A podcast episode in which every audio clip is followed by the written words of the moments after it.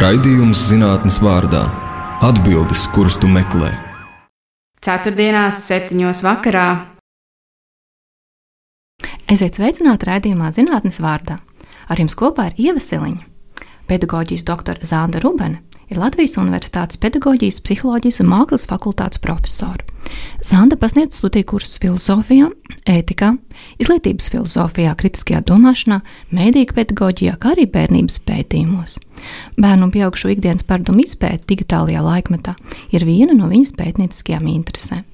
Informācijas sabiedrības laikmetā mūsdienu cilvēks, it īpaši bērni, dzīvo reālajā un virtuālajā pasaulē, kas vienotru papildina. Šī jums ir jauna pieredze, kas rada ļoti daudz jautājumu. Kā audzināt bērnu, kuram liela daļa pieredzes veidojas virtuālajā vidē, kā pašiem justies laimīgiem, kā pielāgoties šai jaunajai vidē, kas mūsu pasaulē nu jau ir ieradusies uz palikšanu. Par to arī šodienas saruna Latvijas Universitātes pedagoģijas, psiholoģijas, mākslas fakultātes zinātņu prodekānu Zantu Rubeni par mūsu digitālajiem paradumiem un digitālo bērnību. Labdien, Zanta! Labdien! Kā tu nonāci pedagoģijas zinātnē? Patiesībā stāsts ir uh, garš un, un uh, nemaz nav oriģināls. Es domāju, ka liela daļa meiteņu, kad bērnībā vēlās kļūt par skolotājām. Bet redzi, bija tā, ka um, 88. gadā, kad man vajadzēja stāties universitātē, bija atmodas laiks. Un pedagoģija un īpaši uh, latviešu valodas un literatūras skolotāja programma bija ārkārtīgi populāra un visiem vilinoša, jo par latviešu kultūru mēs tikai pamazām uzdrīkstējāmies sākt runāt. Uh, bija seši cilvēki uz vienu vietu konkursu tajā laikā. Nu, tad es iestājos uh, skolotāja izglītības programmā. Tev drīzāk būtu jājautā, man, kā es nokļuvu filozofijā un pēc tam atpakaļ pedagoģijā, ja, jo mans ceļš ir tāds ar bogenu, kā es parasti saku. Uh, profesors Kairīt Lasman trešajā kursā um, docēja mums ētikas, sku, ētikas studiju kursu un, un eksāmenā. Man ļoti patika jebkurā gadījumā, bet nu, es nejūtos ne jau kaut kāda tur īpaša un, un, un, un kaut kāda pārmērīgi talantīga. Eh, bet eh, Skaidrīta man eksāmenā saka, ko jūs te darat?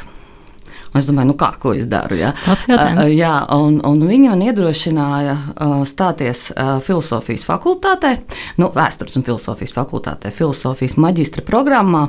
Gribu teikt milzīgu paldies uh, profesoram Jurim Rozenvaldam, kas tajā brīdī bija uh, programmas direktors un uz savu risku aizmiedz acis un mani paņēma, iedomājies ar pedagoģijas bakalauru, uh, kādu paņemt uz, uz, uz, uz filozofijas maģistra programmu.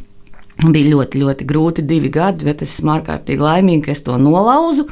Man bija pašai savs izlaidums. Un dīvainā kārtā LU vēsture. Nu, Par to neliecina, jo blakus ir pierakstīti vēl daži cilvēki, kas pie, pa, bija paņēmuši akadēmisko, un, un acīm redzot, vienkārši tajā izlaidumā nebija. Bet iedomājieties, bija mazajā aulā izlaidums tikai man vienai pašai. Jā. Un, un, un, un tad dekāns teica, izlaidumi mums ir bijuši dažādi. No tik un tik cilvēkiem līdz vienai cilvēcei. Un, tad es zināju, ka stāsts ir par mani. Jebkurā gadījumā es, man ir ļoti daudz draugu no filozofiem. Un, un, un tad, bet tad es sapratu, ka nu, patiesībā. Es atrodos tādā, tādā, tādā pārejas situācijā, ka man tagad ir jāsaprot, nu, kas tad filozofija vai, vai, vai pedagoģija. Mēģināju, ja godīgi, domāt arī par disertāciju filozofijā, bet, nu, roku uz sirds liekot, es teikšu tā, es parasti skaidroju situāciju šādi. Man ir filozofijas maģistra grāds, bet es neesmu filozofs. Esmu izglītības zinātnieks, un tas, ka man ir šie, šī bagāža, uh, filozofijas uh, izglītība, man paver citus apvāršņus, un es um, iespējams citādāk, plašāk skatos uz kaut kādiem jautājumiem. Es domāju, tas ir mans ieguvums. Un kāpēc digitālais laikmets, digitālās lietas? Nu, pirmkārt, mēs dzīvojam digitālajā laikmetā, bet nu, es tev teikšu tā, ka es kā padomju bērns, un daudzi padomju bērni skolā mācījāmies vācu valodu, nevis angļu valodu.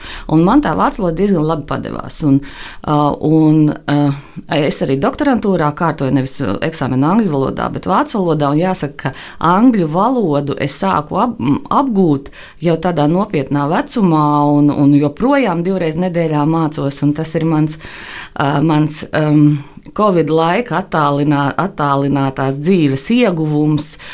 Es esmu ļoti laimīga par šīm, šīm divām stundām nedēļā, kas ir tikai man, un man ir individuālā nodarbība un, un, angļu valodā. Bet, nu, atgriežoties pie vācu valodas, Zināju vācu valodu, un tad, kad es sāku strādāt Latvijas universitātē, un jāsaka tā, ka cepura nost profesorai Koķei, kura bija doktora programmas direktore, kura to um, lecīgo doktoranti nevis apsauca, bet uzaicināja strādāt.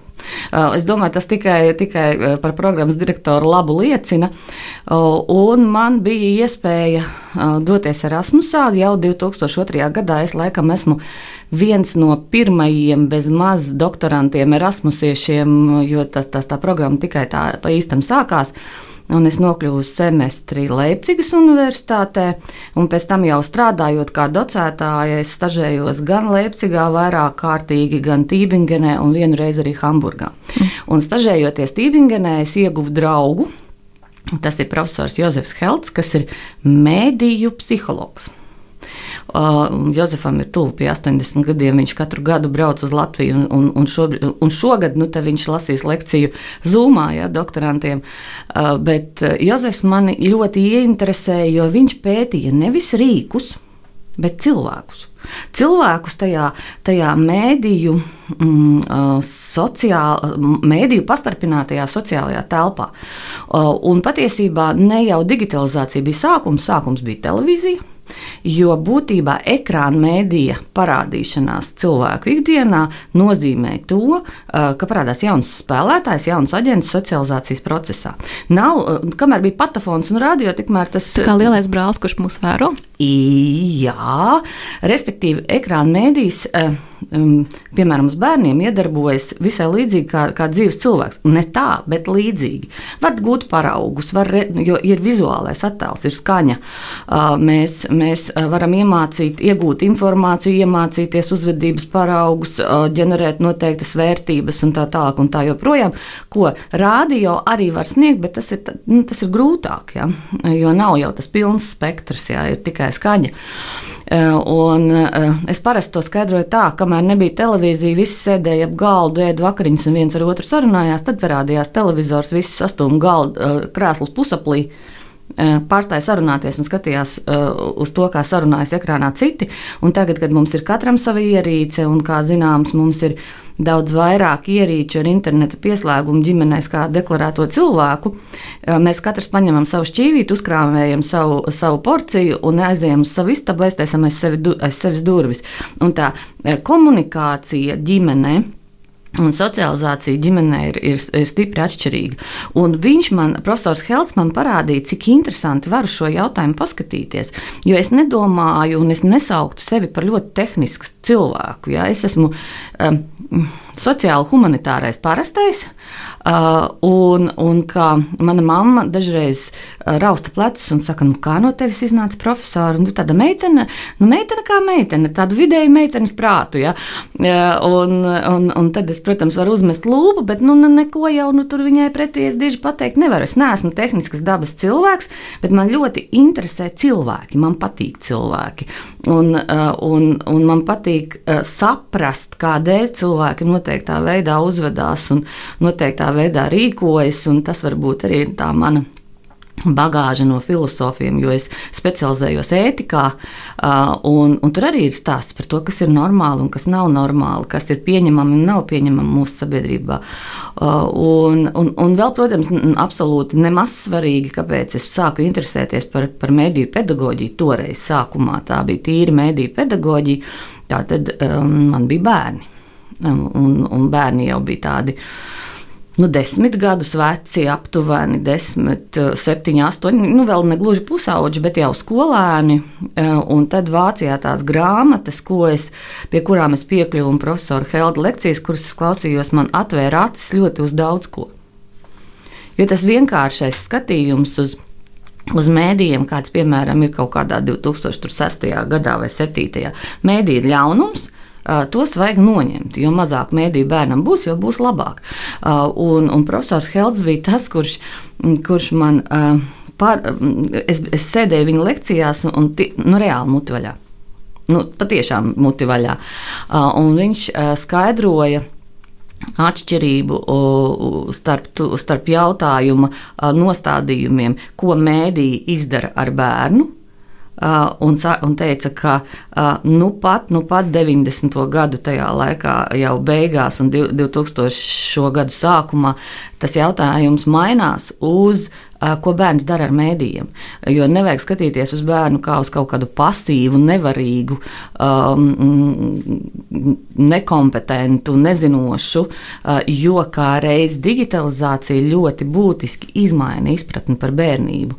Un, un tas ir tas, ko es pēdējos gados pētu, un, un pirms dažiem varu palielīties laikam 12. datumā, tas ir pirms dažām dienām, Nacionālajā encyklopēdija nopublicēja manu šķirkli digitālā bērnība, un man ir pilnīgi teicamnieces komplekss, jo, jo man uzrakstīja, ka nav neviena labojuma. Oh, es biju tik laimīga, ja, ka, ka, pieņem, ka pieņem uzreiz, ja, tas tāds, tāds.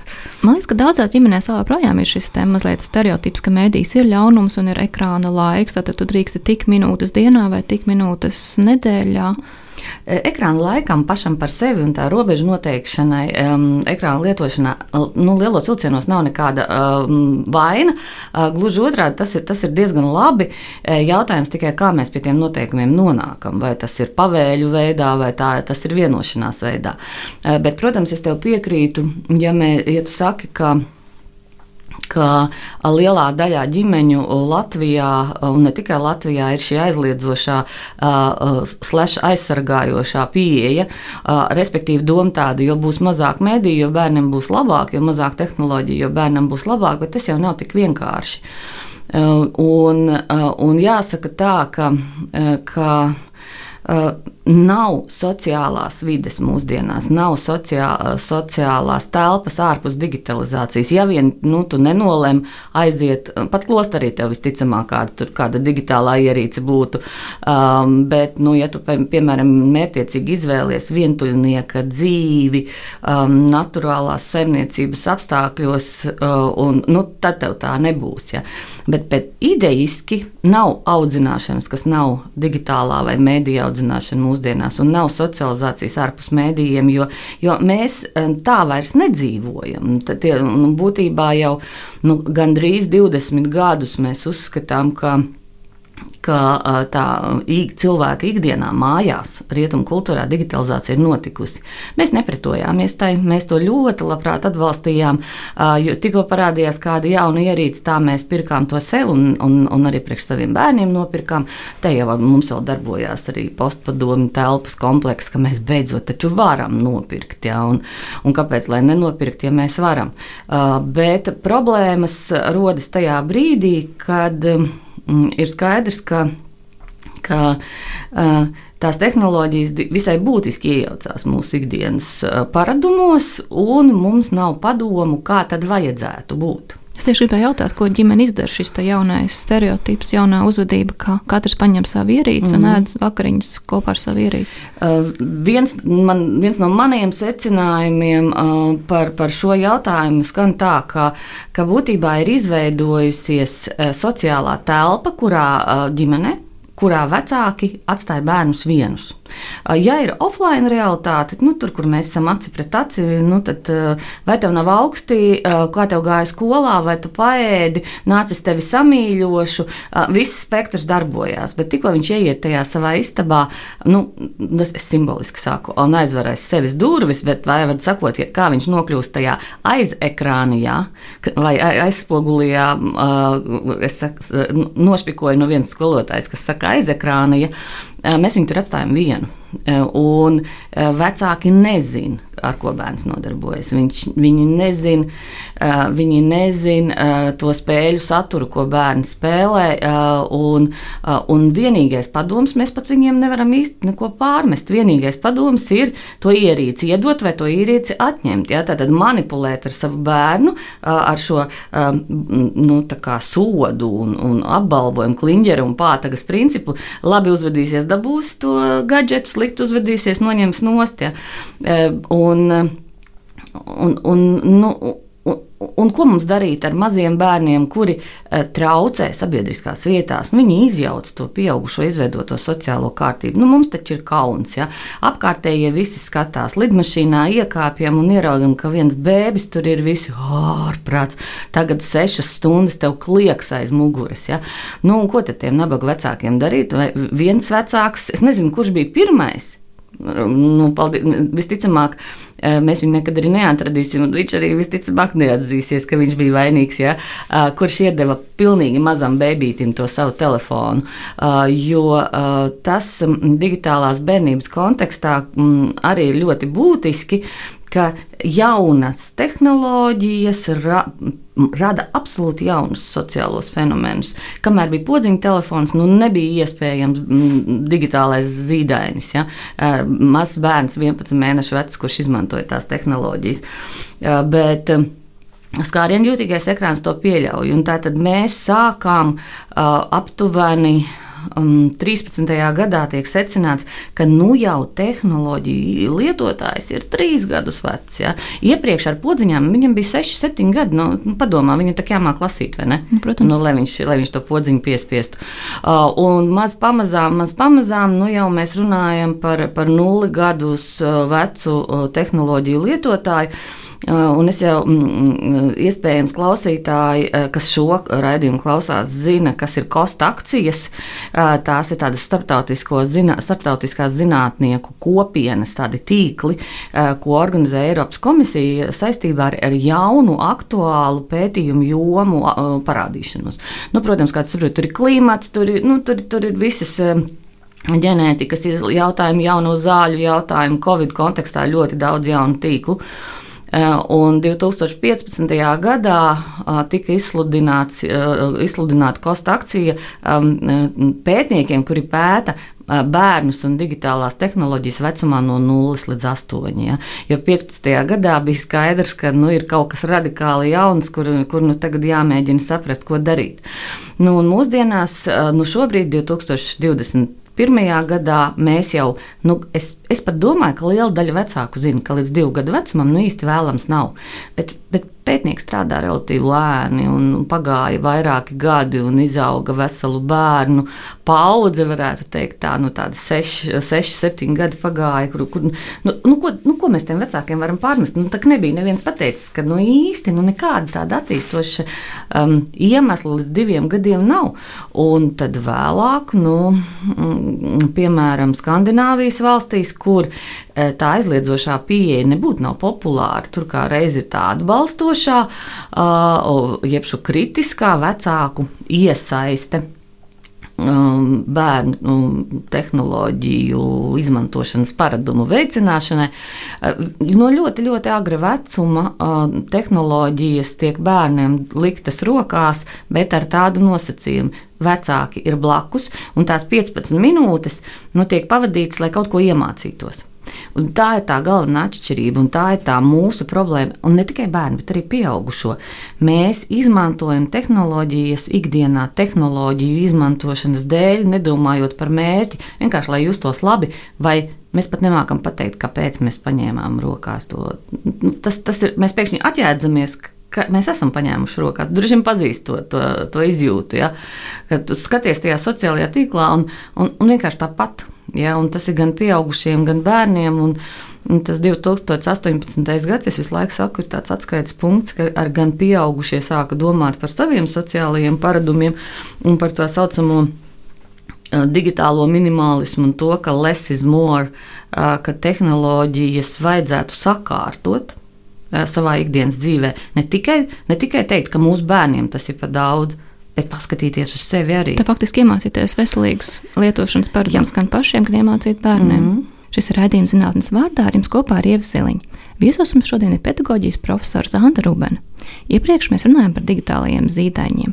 Gribētu turpināt sarunu par digitālo bērnību. Mēs runājām tātad par to, ka gan mums pašiem vajag veselīgus digitālos paradumus, gan iemācīt bērniem. Varbūt par, padalīties, kādi ir tavi digitālie paradumi. Nu, es neesmu nekāds īpašais, ļoti pareizā dzīvesveida piekopējs. Man, man ļoti patīk sociālie tīkli. Un es šos sociālos tīklus gan mēģinu veidot tā mērķtiecīgi, ja man Facebook ir, ir, ir profesionālā platforma, un ja jūs skatīsieties Facebookā, tad jūs ļoti reti manā profilā atradīsiet kaut ko par manu privāto dzīvi. Ja es tur lepojos ar saviem bērniem, tad dēliem tā arī ir digitālās bērnības īpatnība, ka mēs kādu, kuram ir 26 gadi, saucam par bērnu. Bet, nu, labi, nu, tā tad lepojos ar saviem dēliem, bet lielākoties ar viņu profesionāliem vai akadēmiskajiem sasniegumiem. Un tad Instagram man ir, man ir uh, privātās dzīves platforma. Es, uh, es esmu no tiem, kas, um, kas ļoti, ļoti uh, augstu vērtē sociālo tīklu piedāvātās iespējas. Uh, es uzskatu, ka ka uh, sociālajie tīkli ir ārkārtīgi labs veids, kā popularizēt uh, kaut vai to, uh, nu, ko tu darbā dari. Un, un, un, piemēram, es, es uh, mani, man mēģina piesakot ļoti bieži daudz uh, nu, nepazīstamu cilvēku. Es viņus apstiprinu tam dēļ, ka tā ir platforma, kur es varu vecākiem un skolotājiem stāstīt, kas tad ir nopublicēts, uh, kādi pētījumi ir, kādi pasākumi notiek saistībā ar to pašu digitālo bērnību. Uh, bet no otras puses, es ārkārtīgi, mm, nu, un, protams, es caurām dienām sē, nu, strādāju ja, internetā. Uh, īpaši šobrīd. Bet es esmu, mm, es esmu no tiem vecākiem, kas, mm, es nezinu, vai profesors Helts man to iemācīja, vai es pati sapratu vienā brīdī. Es ļoti mērķiecīgi cenšos nevis mazināt laiku, te, te, ko es pavadu tehnoloģijās, bet intensificēt un, un, un vairot to. Uh, interesanto un, un iespējams pat savā ziņā hedonistisko laiku pavadīšanu kopā ar saviem tuvākajiem. Es mēģinu, mēģ, es, tad, kad varēju, es vedu savus dēlus uz restorānu. Ja. No vienas puses tas maksā zināmu naudas summu, no otras puses mums ir laiks, ko mēs, mēs varam vairākas stundas sarunāties. Eh, ko citādāk es visticamāk nevarētu nodrošināt, lai viņi divas stundas eh, sēdētu ar mani pie galda un runātu. Nu, restorānā nav pieklājīgi ņemt ārā telefonu, nu, tā tad viņam nekas neatliek kā to māti sarunāties. Un tas arī ir viens no, eh, viens no padomiem, gan, gan pieaugušiem domājot par sevi, gan, gan domājot par saviem bērniem, ka, un, un Covid kontekstā tagad tas ir īpaši. Tā tad ir skaidrs, ka darbam un mācībām mums tā tehnoloģija izmantošana kļūst tikai vairāk un, un, un, un, un intensīvāka. Ja? Tas būs nepieciešams tur, tur apgūt. Es, es, ne, es domāju, ka mēs neatgriezīsimies atpakaļ. Vairāk tādā veidā, kā bija. Es domāju, ka vecāku sapulces, konferences, visas citas sapulces darbā um, notiks attālināti. Es domāju, ka tad, kad skola X mani aicinās lasīt lekciju, nu, es nepavadīšu visu dienu mašīnā, lai aizbrauktu un nolasītu to lekciju. Bet nu, bērniem kā ar attālināto skolu? Uh, ar attālināto skolu ir tā, ka ir pilnīgi skaidrs, ka, ka uh, tehnoloģija bagātināta mācīšanās ir ieguvums bet attālināta mācīšanās tādā kā krīzes risinājums, ko visā pasaulē ļoti ātrā tempā pārslēdzās visas, uh, visas uh, skolas un visas izglītības sistēmas pasaulē. Um, tā nav īsti attālināta mācīšanās. Ja. Būtībā uh, ir skaidrs, ka, ka tehnoloģija bagātināta mācīšanās, kombinētā mācīšanās, tas ir tas, kas, kas mūsu bērniem var ļaut iemācīties kaut ko, nu, teiksim tā, pēdiņās labāk. Bet attālināt mācīšanās būtu pēc krīzes nepieciešama situācijā, kad bērns ir salauzis kāju. Viņam nav jāpamet skola, Viņam, viņam nav jāmaina skola, jāpāriet uz tālmācības vidusskolu, bet skola viņam nodrošina iespēju um, turpināt mācības attālināti, jo mēs to esam iemācījušies. Tāda sistēma kā tagad, kad vecāki teorētiski nevar strādāt un patiesībā, kā saka, Mana kolēģe Linda Daniela, profesora Linda Daniela, vienmēr uzsver, ka attālināta mācīšanās um, palielina uh, um, uh, tādu dzimumu diskrimināciju ģimenēs, atkal jau lielākoties tās ir sievietes, kas ar tiem bērniem paliek mājās ja, un, un, un ierobežo savas profesionālās izaugsmas iespējas. Uh, bet atgriežoties pie tā galvenā Covid secinājuma, tad tā doma ir tāda. Uh, darbā un mācībās mums tā tehnoloģiju, to tehnoloģiju izmantošana visticamāk pastiprināsies, uh, bet tad ārpus darba Tur, tur ikdienā, sestdienās, svētdienās, kur mēs esam tādā brīvplūsmā to visu palaiduši, mums tur jācenšas mazināt tehnoloģiju klātbūtne un jācenšas vairāk komunicēt miesa pret miesu, ja?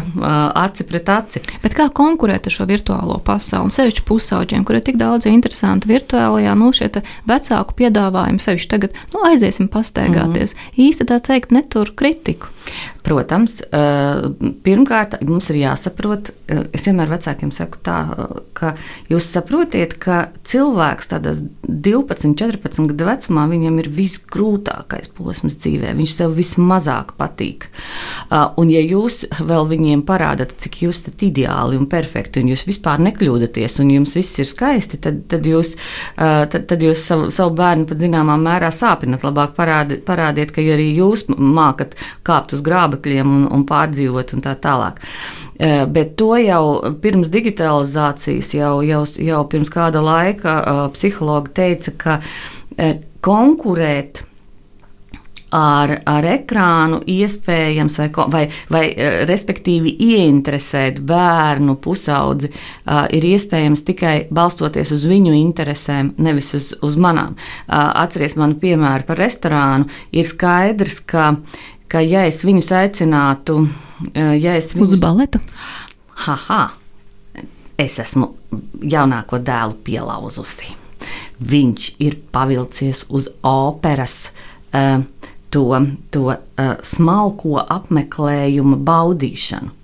Saprotiet, es, es uz baletu ne, bet operu.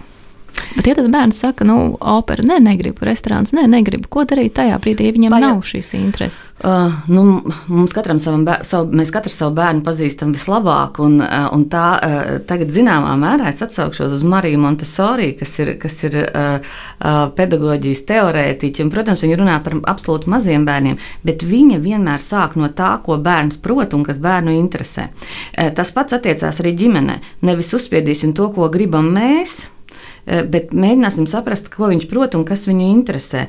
Eh, piemēram, atcerieties, es teicu, ka, me, ka mēs esam atstājuši tādā, tādā audzināšanas vakumā to jomu, kur, kur ir tās tehnoloģijas. Nu, piemēram, eh, pētnieki iesaka uzdot bērniem interesēties ne tikai kā tev gāja skolā, bet pajautāt, ko tu darīji online šodien. Un redzot, ka vecākus interesē tas, kas interesē viņus, patiesībā varētu, varētu ļoti labi nostrādāt. Daudzi vecāki man arī ir teikuši, ka tas ir nostrādājis, ka bērni nu, stāvā sajūsmā, ka mamma pēkšņi interesējās, kas tur notiek. Un vēl, ja tā mamma pasaka, ka viņa arī grib to spēli spēlēt kopā ar viņu. Un, un būtībā nav, nu, nav tādu skaidru vai pret, nu, nu, recepšu mēs, kom, jo padomā, audzināšana ir komunikācija. Mēs taču nedarām tā, hmm, kā es šodien naudu, kādas metodas izmantošu, ja, tā kaut kā. Neviens tā nedara. Mēs vienkārši komunicējam. Un tad es, tad es uh, izmantoju to tēzi, ka, kā sauc tā atskan. Kā mēs ar viņiem runājam, tā viņi runā ar mums. Un, un tāpēc, tāpēc ir tie aicinājumi, nu, padomājam paši par, savu, par saviem paradumiem, ko mēs vakarā darām.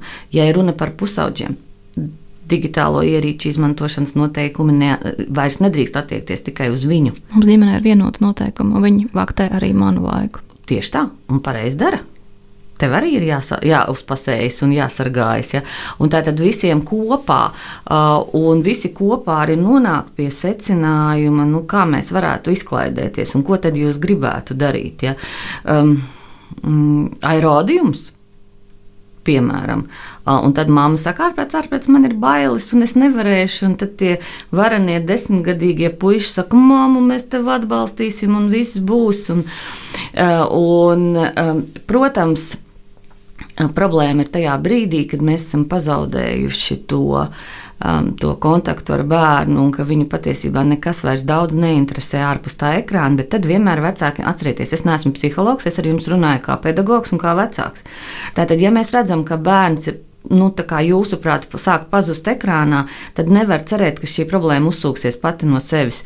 Jo neadekvāti tehnoloģiju izmantošanas paradumi faktiski vienmēr liecina par problēmām ārpus ekrāna. Tātad viņam kaut kas nepatīk tajā reālajā dzīvē, kas ir. Jūs teikt, ka interneta atka atkarība rodas nevis no interneta, bet no kaut kā, kas Jā. reālajā dzīvē? Jebkura atkarība rodas. Nav jau tā, ka šnabs būtu baigi garšīgais. Nu, loģiski, ja tā tad ir kaut kas, e, īpaši bērna gadījumā, e, kaut kas, kas sociālajā vidē nepatīk, viņš jūtās nelāgi. Uh, tur, un, uh, un tad viņš slēpjas tajā virtuālajā. Bet nevar būt tā, ka šī virtuālā vide vienkārši ir pievilcīgāka, jo principā, kas uh, alternatīvi iet uz darbu un strādā, tad ir mazāk forši nekā visu dienu, piemēram, Netflix skatīties. Um, Tādā ziņā varētu saprast šo vilinājumu. Protams, un, un iedomājies, ja tev reālajā, tajā offline pasaulē ir grūti, smagi un skumji, un tev tu nevienam nepatīc, tad tur tev ir viegli, ātri, spilgti, saprotami. Un līdz ar to pazust no turienes uz tur, no, no offline, online ir diezgan, diezgan vienkārši. Atkal atceroties, ka tas pusaudzis jau tāpat sev iespējams nepārāk labi patīk. Ja? Uh, un, un tāpēc es saku, ka vecākiem, vecākiem vajadzētu pievērst uzmanību nu, trim lietām, vai tas bērns iet uz skolu, nu, un, un, un, un nav būtisks atzīmes, bet būtiski, ka viņš nesaka, ka viņš grib padarīt galu nevis iet uz skolu, tad jautājums, kas tajā skolā notiek. Otrais, vai viņam ir draugi, uh, dzīvi. un, ja nav draugi, uh, nu, es to izstāstīšu. Uh, un trešais, uh, vai viņiem ir hobiji, vai viņu kaut kas interesē ārpus tā ekrāna. Un, ja tu redz, ka viena no tām trijām lietām uh, nu, īsti um, neatbilst taviem priekšstatiem, varbūt ir vērts sākumā runāt pašam. Īpaši jāpievērš uzmanība, ja tie draugi pēkšņi pazūd, ja tā skola pēkšņi vairs nepatīk. Un, ja tās, uh, un ir pilnīgi normāli, ka tie hobiji, ko mēs izvēlējāmies saviem bērniem, aptuveni pusauģu vecumu sākoties, viņu, viņus ļoti bieži vairs pārstāja interesēt. Uh, bet nu, manā mājā bija noteikums, ka es tev dodu laiku, mēne, mēnesis laika, atrod citu. Negribu vairāk, um, nezinu. Uh, spēlēt, uh, spēlēt uh, tenisu, tenisu bet tad mēneša laikā izdomā, ko tu gribi. Ja, jo, citēsim, Raini zārks jau nevar palikt tukšā, ja nu, kaut kas ir jāatrod, nu, ar kaut ko tev ir jānodarbojas. Un, un būtībā tā tad pirmā doma, ka mēs runājam paši. Otrā doma, otrā doma vai otrais padoms ir tāds, ka mēs iespējams, ja mēs ar viņiem runāsim, viņi mums nepateiks, tāpēc ka mēs esam vecāki un, un, vecāks pusaudzim pārstāja būt tāda autoritāte, kāda, kādas iepriekš bija, tad padomājiet, kas varētu būt tas jūsu tuvākajā radu un draugu lokā vecākā māsica. Um, stilīgais ģimenes draugs krustmāte. Es, es esmu bijusi savu, savām māsicām un, un, un visam radu meitenēm, tā, un arī draugu meitām, tā uzticības persona, kur māte man palūdza, un tad es gāju pie meitenēm un teicu, tā, ja tev ir problēma kaut kāda, par, nu, saistībā ar seksualitāti, saistībā ar attiecībām ar puišiem, ar tavu ķermeni. Tu zini, ka tu drīkst pie manis nākt un teikt, un, un, un es tevi nenosodīšu, un mēs kaut kādu risinājumu meklēsim. Un tāpat bija grūti, un tāpat man mā, lielās māsīcas meitiņa, kurai šobrīd pašai jau ir trīs meitas, viņa, viņa, bija, viņa bija ļoti samulsusi vienā situācijā, un tas vēl bija pirms interneta, un viņa ļoti ilgi domāja, kamēr uzrakstīja man vēstuli, un tad es viņu nomierināju, bet bērns jau bija nomocījies entos mēnešus. Bet tātad, ja jau nav arī šādas, ja jūs nevarat atrast uh, to uzticības personu, tad noteikti psihologs būtu vislabākais atbalsts, jo tās problēmas pašas no sevis neuzsūksies, tās eskalēsies kaut kādā veidā. Un tas, Un, un, tā, un tā tēze ir tāda, ka uh, tehn, problēmas vai neadekvāta tehnoloģiju izmantošanas paradumi demonstrē, ka ārpus tehnoloģijām kaut kas īsti nav labi. Un iedomājieties, Mēs tagad, viņš glābjās no tās ļaunās pasaules tajā ierīcē, un mēs noņemam viņam ierīci. Nu, ko mēs iegūstam? Nu, neko. Ja? Mēs darām pāri tam cilvēkam. Jā, un tāpēc, eh, tāpēc vajag noskaidrot, nu, kas notiek. Nu, ja tu nevari pateikt man, un nevari pateikt kādam citam cilvēkam, nu, tad varbūt ejam pie psihologa un tiekam ar šo jautājumu galā. Es zinu piemērus, kur, vecāki, kur bērni nevar ar vecākiem parunāt. Vecāki vienkārši sarunā psihologu un, un redz, ka bērns paliek ar vien priecīgāks un laimīgāks. Joprojām vecākiem neko nesaka, bet, bet bērns ir priecīgs un laimīgs. Tas nu? arī ir izcinājums. Jā. Šis ir rādījums zinātnes vārdā ar jums kopā ar Ievseliņu. Šodien mūsu viesiņa ir digitāla laikmeta paradumu pētniece Zanda Rūbēna. Iepriekš mēs runājām par digitālajiem pusauģiem. Gribētu turpināt sarunu par šo attālināto mācīšanos. Kā tev šķiet, cik daudz vecākiem būtu jāiesaistās attālinātajā mācību procesā šobrīd? Nu, es, es jau minēju, ka um, tas attālinātais mācību process, kas tiek īstenots šobrīd, ir krīzes risinājums. Un, un tāpēc man ir ļoti grūti atbildēt uz jautājumu, kā tam vajadzētu būt. Pētījumi liecina, ka tie cilvēki, kuriem ir skolas vecuma bērni, tiem ir visgrūtāk strādāt no mājām. Iedomājieties, ka, nu, nu, ko, ko, kāpēc es to saku, iedomājieties, tu jau to zini. Uh, man, man ir, paldies Dievam, bērni jau pieauguši, jo, bet ko nozīmē, ka diviem cilvēkiem vai, vai nezinu, vienam cilvēkam ir jāstrādā un paralēli vēl ir bērni, kas iet skolā vai, vai pirmskolas vecuma bērni. Uh, tas ir ārkārtīgi sarež, sarežģīta situācija. Es varu pateikt, ka, ko vecākiem nevajadzētu darīt neatkarīgi vai tā ir attālināta, vai tā ir. Mm, vai tā ir um, nu, klātienes mācīšanās, vai uh, mums, redziet, vēl joprojām ir problēmas. Mēs neesam iztulkojuši face to face. Jo, jo Klātienu. Uh, redzi, e, izglītības likumā tagad ir teikts, ka tālināta mācīšanās ir klātienes studiju mācību daļa. Tātad uh, mani, mani studenti ir klātienes studenti arī tad, ja viņiem lekciju lasa profesors no Vācijas ekrānā. Uh, un līdz ar to tā klātienē neder. Bet, nu, tad es saku, aci pret aci vai, vai miesa pret miesu. Ja?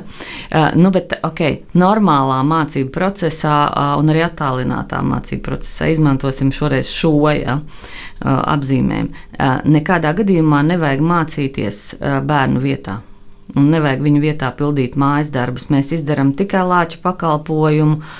Mēs, mēs um, Mēs, protams, pasargājam viņu no iespējamu ap apkaunojumu un nepatīkamām izjūtām, bet nu, tādā ilgtermiņā mm, nu, apkaunojam un nepatīkamām izjūtām par to, ka slikti atzīmē vai nav kaut kas saprasts.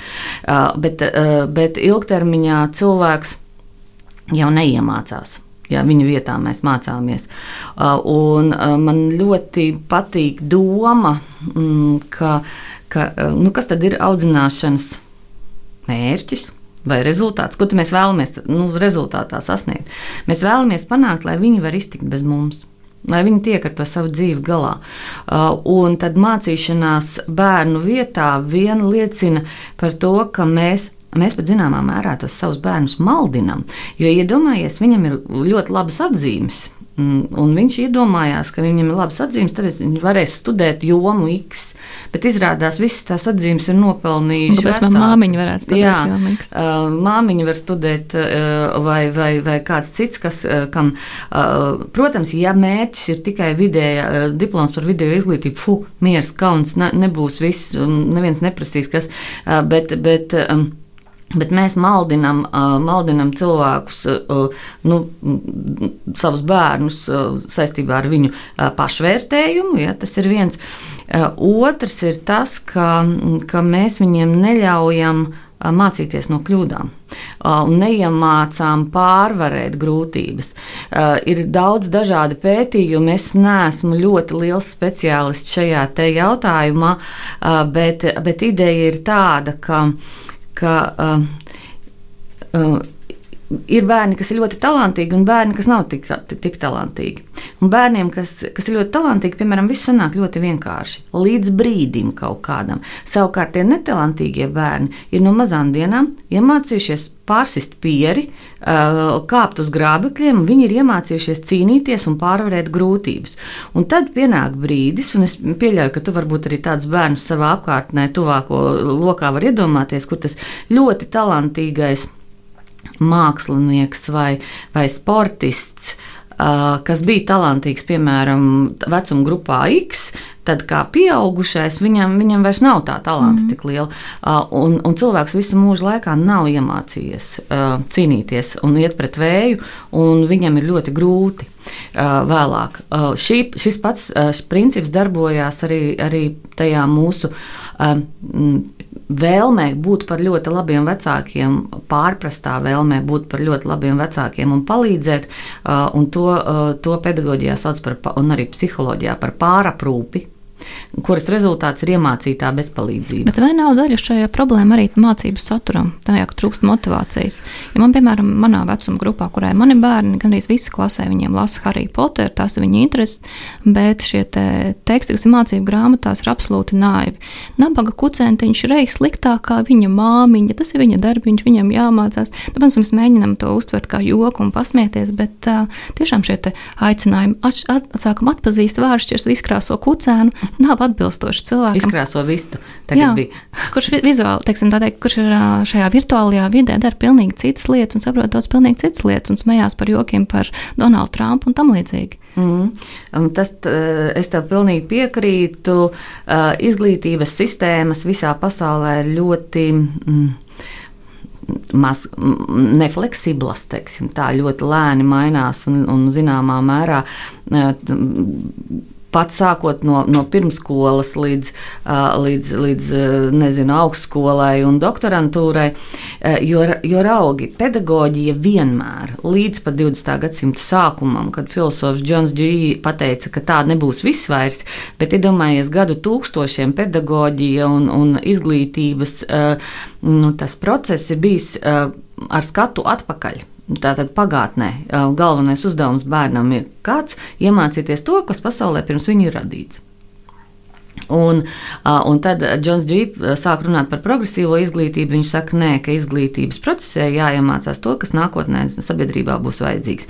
Patiesība ir kaut kur pa vidu, jo mums ir, mums, nu, mums ir nu, tas lēdijas un džentlmeņa komplektiņš vajadzīgs un jāzina to, kas, kas, kas, kas ir noticis pirms mums. Un, un es, piemēram, ļoti bieži saskaros ar situāciju, kad Uh, ir doktorantiem izglītības zinātnēs, viņiem jāizskaidro, kas, kas notiek izglītībā, kas notiek audzināšanā. Te jāsaprot, kas tajā nu, vismaz pēdējos simts gados ir noticis. Un, un doktoranti mani ir nošokējuši ar, ar, ar pilnīgām vēstures nezināšanu, ar pilnīgu vēstures nezināšanu, kas ir tas, tas, tas pagātnes skatījums. Ja? Uh, bet tas, ko minēji tu, jā, jau, tas jau aptuveni pirms desmit gadiem sāka runāt par to, ka ka mūsu priekšstats par bērnu, īpaši par mazu bērnu, pirmskolas vai sākumskolas vecuma bērnu, stipri atšķirās no tā, kā, kā digitālajā kultūrā bērns to savu kultūru ir veidojis.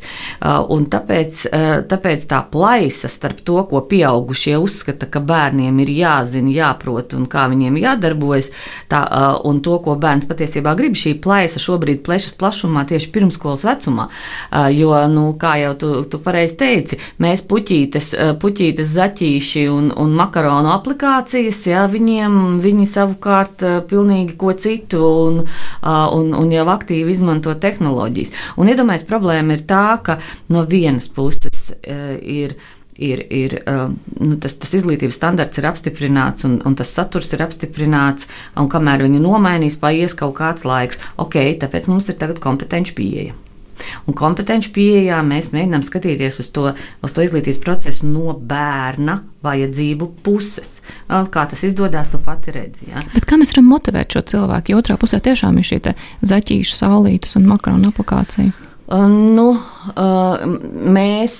Uh, Nu, tā, nu, nevar, pirmkārt, Pirmkārt, moti, eh, motivācija ir iekšēja. Eh, mēs varam stimulēt to motivācijas veidošanos, eh, bet mums ir atkal pieminēts Džuī, kas saka, tā mēs iemācāmies principā tikai to, kas mums ir interesants. Tas viņiem nav interesanti. Jā, un nevis izklaidējoši, bet interesants. Uh, un, uh, viss, un tad viņam ir tāds skaidrojums, skaidrojums, skaidrojums, un viņš nonāk pie tā, ka mēs iemācāmies to, ko mēs varam sasaistīt ar savu pieredzi. Tā ir lielākā problēma. Ka tas, ko mācās mūsu bērni, uh, šobrīd uh, atkal. Um, tāpēc, ka digitālā kultūra ir tik jauna un tāpēc, ka izglītības sistēmas ļoti daudzās valstīs nevēlas digitālās kultūras um, artefaktus iesaistīt mācību procesā, uzskatot, ka tā nav īsta kultūra, veidot to plaisu. Jo viņa pieredze, kā tu pats saki, pilnīgi atšķirās. Es atceros par, par saviem, viņiem bija jāmācās dermana tēvis pastaliņus. Nu, ļoti labi, nu, nu, nu fantastiski, vai ne? E, nu, jā, un viņi, viņi nesaprata katru otro vārdu, jo vienkārši tos vārdus nelieto un neizmanto. E, no otras puses, mums ir izglītības sistēmā ļoti daudz labu piemēru. Tā skolotāja, kura lieto jēdzienu aizekrānija, viņa Facebookā, bet tā, tie ir vidusskolēni. Viņi, ko dara bērni? Viņi salīdzina raudupieti ar mēdēju. Uh, viņi salīdzina uh, dvēseli puteni rietumu frontē bez pārmaiņām. To pašu, to pašu Hariju Poteri varētu, varētu atrast, ar ko mēs latviešu literatūrā varētu salīdzināt ar sprīdīti. Gan jau atrastos tur. Nozīmē, ka viss atslēga šobrīd ir skolotājai, vai skolotājs var samazināt šo lielo um, atšķirību starp bērnu vietu un pozīciju un uh, to, kas ir studiju saturā? Zini, kā, uh, tas arī ir stabils tāds izteiciens un tēze, ka uh, izglītības sistēmas ir tik labas, cik, cik uh, skolotāji, kas tajā strādā. Uh, es gan negribētu vainot tikai un vienīgi skolotājus. Uh, es domāju, ka mūsu uh, mūsu sistēma, eh, izglītības sistēmā ir daudz dažādu um, aspektu, kurus būtu vērts pārdomāt un, un pārveidot. Protams, uh, milzīga nozīme ir tam, ka, ka izglītības saturu nosaka no augšas. Um, protams, tam būtu nepieciešams skolotājiem lielāka brīvība šajā jomā.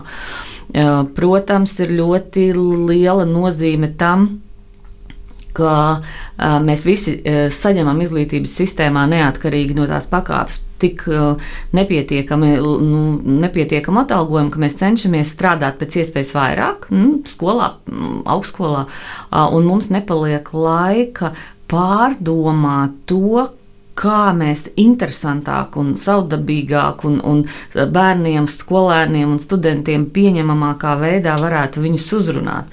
Uh, ir, ir daudz, daudz dažādu problēmu, bet pati galvenā ir tā, mm, ka cilvēks sakrusto uh, rokas uz krūtīm un saka, mm, Tas, ko jūs stāstāt, jau nav nekas jauns. Mēs jau visu to darām. Un te, šī aizvērtība pārmaiņām ir tā, kas, uh, kas, kas bremzē. Mm, jo, eh, jo, jo nu, tad cilvēks saka, man, ar mani jau tāpat viss ir kārtībā, ko jūs mums te vispār stāstat, un tas vispār nav iespējams. Man ļoti bieži ir pieaugušo auditorijās, starp citu arī vecāku, bet nu, lielākoties pedagoģa auditorijās, nu, tā, tā izjūta ir tāda, ka, ka klausītāji, mani klausītāji vēlas, lai es pastāstu, kā tos bērnus salabot. Viņi ir sabojājušies, un tagad viņus ir jāsalabo kaut kādā veidā. Uh, un tad, kad es viņiem saku, ka tas nav iespējams, tad dažreiz arī uz mani diezgan stipri dusmojas. Uh, bet, uh, bet patiesībā neviens nav sabojājies, vienkārši laiks ir mainījies, un, un laikmets ir mainījies. Un, ja mēs ārpus um, ārpus skolas un bieži vien arī ārpus darba, tā, tās pārmaiņas esam ļoti veiksmīgi pieņēmuši un pārkārtojušies. Uh, tad, uh, tad, tad um, nu, um, skola dīvainā kārtā ir tā vieta, kur mēs, mēs arī tagad, attālinātajā procesā, kā tu saki, mēs mēģinām visu to, kas notika ārpus ekrāna, tagad vienkārši pārcelt uz ekrānu un domājam, ka tas tā darbosies. Bet tas tā nedarbojas. Tās runājošās galvas. Ja, da, ekrānā nu, nav ne, ne studentiem, ne, ne, ne, ne arī skolēniem ļoti interesantas. Es domāju, ka, ja atbildot uz tavu jautājumu par motivēšanu, vislabākais, ko mēs vispār varam dzīvē darīt, ir, domājot par saviem bērniem, ir sarunāties ar viņiem. Jo atkal audzināšana ir komunikācija. Un runāt par to, un ja skola nepiedāvā, um, nepie, uh, nepiedāvā uh, Hariju Poteru, tad mēs varam mājās domāt par to, kā to Hariju Poteru iesaistīt tajā, ko, uh, ko jūs skolā esat mācījušies. Protams, tas, uh, tas um, norāda. Nu, tas vien liecina par to, ka vairāk laika būs jāpavada. Bet, zinu, ko es tev gribu teikt? Ka tās atzīmes tādā, tos lielos vilcienos dzīvē neko nenozīmē. Un tas atkal par to mācīšanos viņu vietā. Ja? Jo, jo tas, tas svarīgākais ir tas, lai, lai viņš spētu pieņemt lēmumus un lai, lai, lai tiktu galā ar izaicinājumiem. Tas nozīmē nedarīt viņu vietā. Viens gudrinieks, neatceros, kurš teica tā kaut kādā podkāstā, ka ja jūsu pusaudzis pie jums pienāk un saka, man tagad ar tevi vajag parunāt, ir jāpamet viss viss, viss, viss un zibenīgi jārunā. Jo otrais tāda, tāda izdevība jums var nega, negadīties, un jūs varat pazaudēt to uzticību uh, vai uzticēšanos, pareizāk, nu, vienā setā, ātri, tagad, tūlīt uz līdzenas vietas. Uh, un tas arī, tas arī ir um, mans vēlējums vecākiem. Tveriet to mirkli, uh, kad tie bērni uh, vēlās būt ar jums kopā. Paldies! Santa, paldies liels par sarunu, priecājos par taviem sasniegumiem, novēlu arī brīnišķīgus pētījumus turpmāk.